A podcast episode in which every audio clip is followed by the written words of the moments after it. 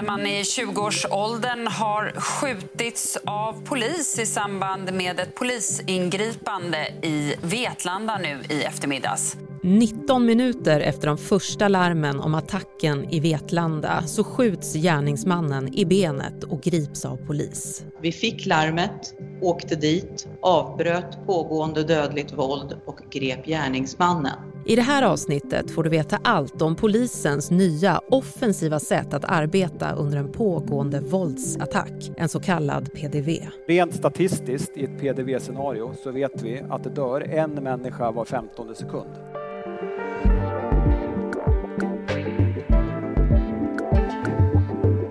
Det är fredag den 5 mars. Jag heter Karin Bülow Orje och det här är dagens story från Svenska Dagbladet. Janni, den här polisinsatsen gick ju väldigt fort. Kan man säga att den är ett bevis på att svensk polis har ändrat sitt agerande i sådana här situationer? Ja, insikterna från eh, internationell forskning och de egna erfarenheterna inom polisen har lett till att man vet att ett sånt här dåd pågår ungefär 15 minuter. Det betyder alltså att polisen har ungefär en kvart på sig att agera. Jani Pirtisalo Salinen är grävande journalist här på Svenskan och hans granskning Vapnens väg nominerades till Guldspaden förra året. Och flera allvarliga dåd i Sverige och Europa har gjort det tydligt att man behövde träna för den här typen av blodiga och hastigt påkomna attacker som skolattacker och terrorattentat. I Åbo i Finland så tog det bara 3 minuter och 58 sekunder från larm till att gärningsmannen var skjuten och gripen av polis. Två personer har dött och sex personer skadats i en knivattack i Åbo i Finland.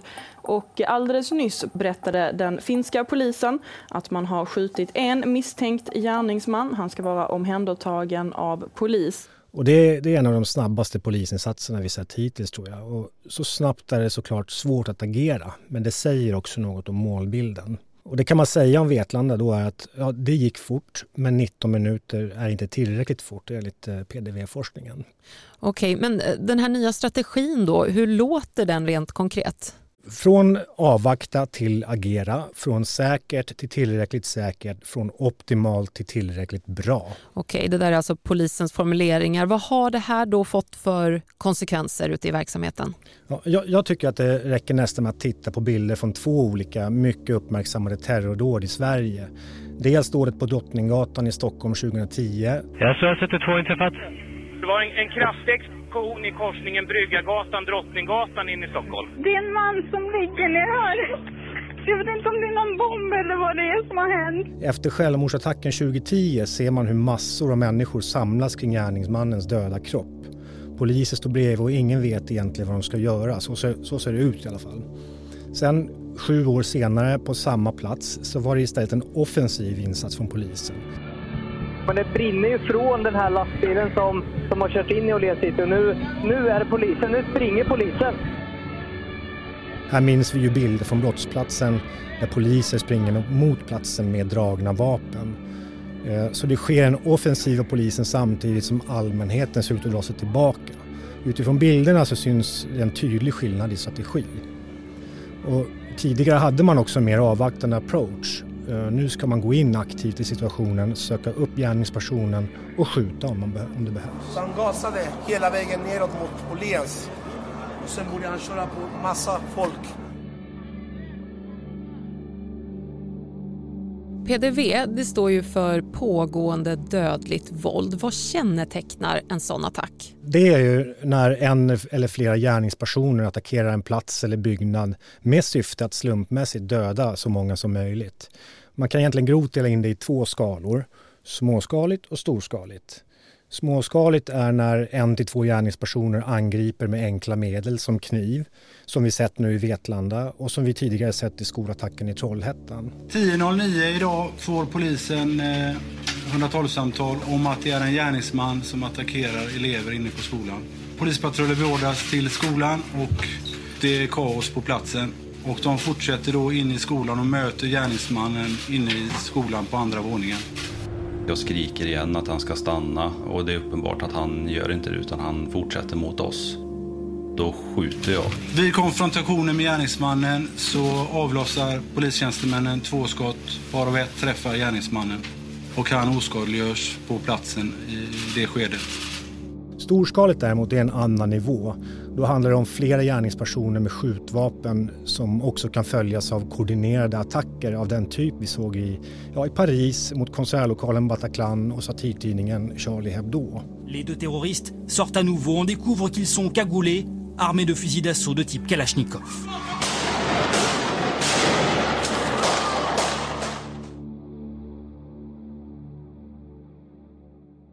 Kan du sammanfatta lite då vad det var som hände i onsdags i Vetlanda? Ja, det, det var en man då som gick till attack med kniv mot flera personer i centrala Vetlanda. Det vi vet nu är att det är sju skadade. Gärningsmannen är skottskadad och ligger på sjukhus, men läget sägs vara stabilt. Vi har genomfört eh, många förhör. Vi har gjort brottsplatsundersökningar. Vi har gjort husrannsakan i den misstänktes bostad och utredningsläget bedöms som gott. Jag tänkte också säga något om brottet. Eh, det är rubricerat som försök till mord. Vi utreder om det kan finnas eventuella terrormotiv.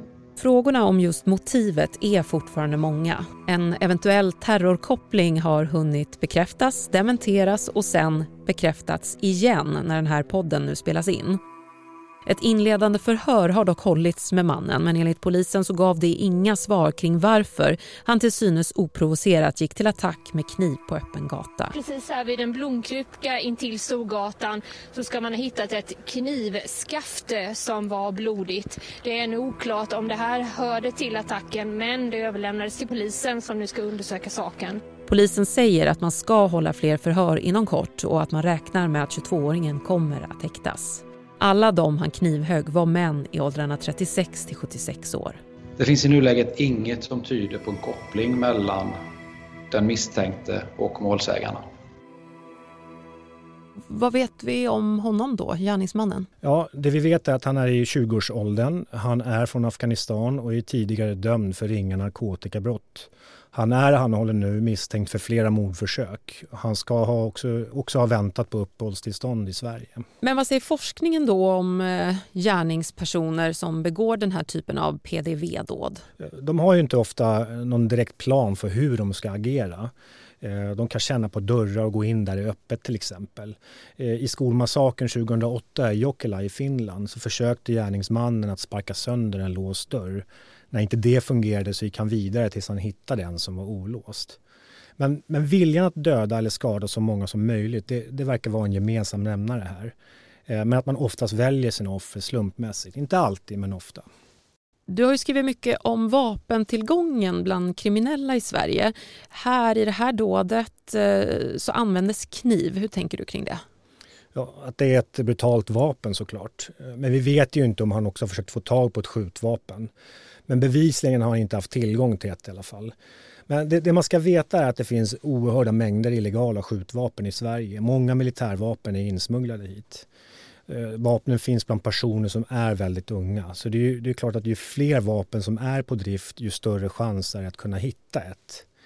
Wilhelm Agrell, professor emeritus i underrättelseanalys, han har tidigare varnat för kombinationen mellan just unga våldsbenägna män och eh, stora tillgången till tunga vapen. Att det kan vara en tickande bomb. Och steget därifrån behöver ju inte vara långt i terrorism eller varför inte en PDV-attack. Det vi kan säga från polisens sida är att vi har övat på det här och vi märker gång på gång att vår förmåga ökar. Avslutningsvis så vill jag framföra en stor eloge till min personal som visat på handlingskraft. De har agerat resolut och med stort mod och har genom det här avvärjt en mycket farlig gärningsman från att skada fler målsägare. Det här är någonting som jag är oerhört stolt över. Vi har ju hört här hur polisen har haft den här strategin att man har storsatsat på att förbereda sig på att kunna hantera den här typen av PDV-attacker. Men oftast så sker de ju, eller i regel så sker de ju i öppna miljöer eller på eh, arbetsplatser eh, där allmänheten finns. Hur kan man själv förbereda sig? Jag, jag, kan inte ge råd i sådana frågor. Eh, det här beror ju också väldigt mycket på vilken miljö man är i när det inträffar givetvis. Men efter attacken mot Charlie Hebdo 2015 så fick jag och många andra en utbildning av en amerikansk expert i hur man kan agera vid sådana här PDV-attacker. Och då var ju råden att man kan också kan agera offensivt eh, i slutna miljöer. Man kan samarbeta, barrikadera och gömma sig inomhus. Och om gärningspersonen tar sig in då kan man överväga, ska man försöka övermanna, kasta saker i ögonen och distrahera personen och sen brotta ner uh, gärningspersonen. He was, you know, wielding two knives, so uh, we're sort of pinning him to the ground, try to stamp as hard as I could on his wrist, try and, you know, release the knife. Jag vet också att svensk polis pratar om att det kan vara bäst att försöka gömma sig eftersom de här gärningspersonerna dödar slumpmässigt och attackerar personer som de bara får syn på i en korridor till exempel. Så det är svårt att säga hur man ska agera i sådana här situationer. Eh, dessutom vet man ju aldrig hur man kommer att agera eh, om man hamnar i chock Eh, eller går till attack. Vem vet? Vi som allmänhet är ju inte tränade i sånt här så det är en helt egen genre inom psykologin. Här. Men det man kan säga det är att det inte är sista gången vi får höra om en sån här PDV-attack i Sverige. Vi kommer garanterat att se fler vansinniga attentat och terrordåd i samhället. Tack så mycket för att du kom hit. Tack själv. Och vi fortsätter såklart att bevaka dådet i Vetlanda på vår sajt svd.se och i tidningen.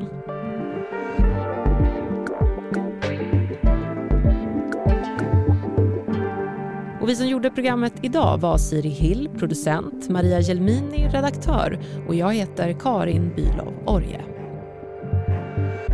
Dagens story ger dig djup och perspektiv på de största nyhetshändelserna just nu. 15 minuter varje vardag. Du kan höra oss bland annat på Spotify.